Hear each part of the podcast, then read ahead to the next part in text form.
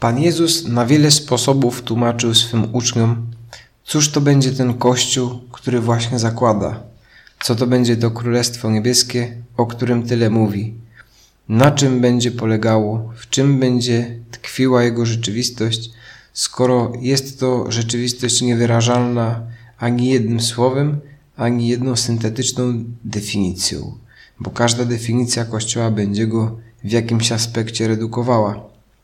Nasz Pan posługuje się różnymi przypowieściami i metaforami, które uwydatniają kluczowe cechy Jego Królestwa. Wśród nich są krzew winny, lud Boży, mistyczne ciało i owczarnia. Właśnie w dzisiejszej Ewangelii Pan Jezus tłumaczy nam, co to znaczy, że Kościół jest Bożą owczarnią.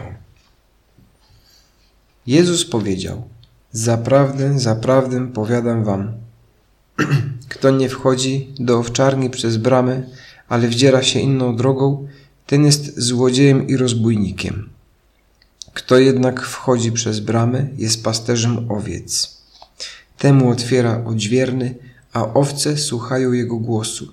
Woła on swoje owce po imieniu i wyprowadza je.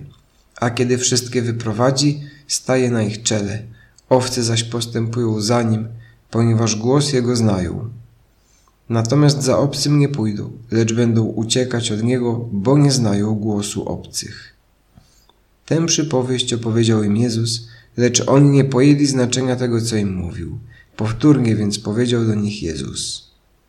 Zaprawdę, zaprawdę powiadam wam, ja jestem bramą owiec. Wszyscy, którzy przyszli przede mną, są złodziejami i rozbójnikami, a nie posłuchały ich owce.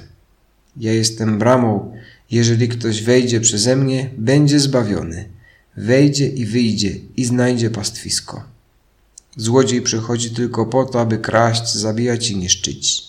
Ja przyszedłem po to, aby owce miały życie i miały je w obfitości. Kościół jest taką owczarnią, której pasterzem jest Chrystus i samą bramą, przez którą owieczki przechodzą, jest Chrystus. Pan Jezus jest dobrym pasterzem, jest tym pasterzem, który prowadzi nas do raju, o którym śpiewamy w Psalmie 23 na dzisiejszej mszy świętej.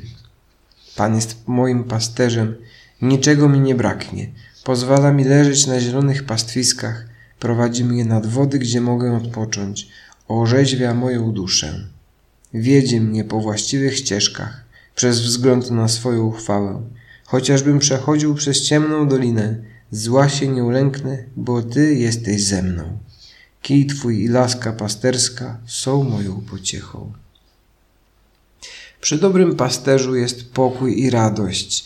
Nawet gdy wokół czają się jakieś niebezpieczeństwa, trudności, piętrzą się problemy, gdy kroczę przez nie jakby za rękę z Panem Jezusem, nie mam prawa do panikowania, do gniewu, do zniechęcenia. Bo On bierze na siebie nasze troski, zna nasze, nasze wszystkie braki i wady i napełnia nas łaską, której owoc jest nadprzyrodzony, choć po ludzku może trudno nam być ujrzeć głęboki sens tego, co się wokół nas dzieje, albo co się dzieje z nami.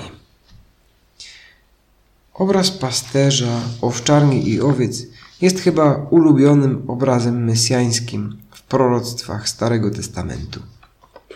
Prorocy, a zwłaszcza Jeremiasz i Ezechiel, wobec niewierności królów i kapłanów, którym to nadawano właśnie tytuł pasterzy, obiecują nadejście nowych pasterzy.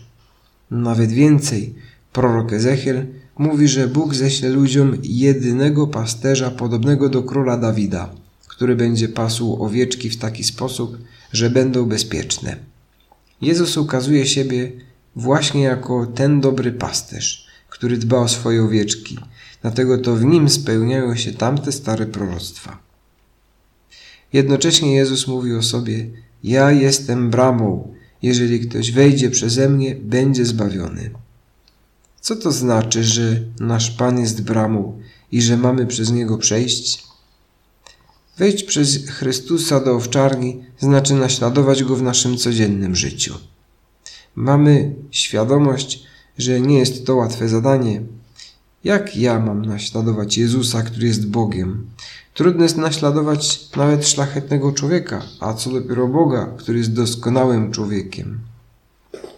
Dlatego tak ważne jest życie sakramentalne, chrzest, a potem wiele razy w ciągu życia oczyszczająca łaska spowiedzi i ożywcza siła Eucharystii. Tą bramą do raju są sakramenty. Czym byłoby małżeństwo bez sakramentu? Pewną, czysto ludzką relacją zdaną tylko na własne siły, które zawsze mogą się wyczerpać. A sakrament małżeństwa jest obecnością obdarzającego siłą, pokojem i wiernością małżonków w tym związku. Sakrament jest tak brama, przez którą Chrystus wchodzi w nasze życie i przez którą my wchodzimy do szczęścia zapowiedzianego nam przez proroków. Jednocześnie sakramenty nie są jedynie skutecznym znakiem, jakby tylko takim funkcjonującym mechanizmem, który sprawia w nas dany skutek. Sakramenty wymagają od nas ducha nieustannej modlitwy, aby Jezus żył w nas swoim życiem i czynił z nami to, co się Jemu podoba. Skorzystajmy z rady, jaką kieruje do nas święta Matka Teresa z Kalkuty. Rady tak dobrej, zwłaszcza na maj, gdyż zachęca nas do wspólnej, rodzinnej modlitwy na różańcu. Mówi Matka Teresa. Musimy się modlić. Musimy się modlić do Maryi. W rodzinach katolickich istnieje piękny zwyczaj wspólnego odmawiania różańca. Musimy wprowadzić Najświętszą Dziewicę do naszych rodzin i modlić się z nią. Tak jak ona troszczyła się o Jezusa, zajmie się też waszymi dziećmi, wami samymi i każdym nienarodzonym dzieckiem, tak jak opiekowała się dzieciątkiem Jezus, kiedy jeszcze się nie narodziło. Ona bez wahania zaniosła go innym. I my spieszmy się dawać Jezusa wszystkim ludziom przez radość, jaka nas napełnia i świętość naszego życia. Musimy dokładać wszelkich starań, aby być świętymi.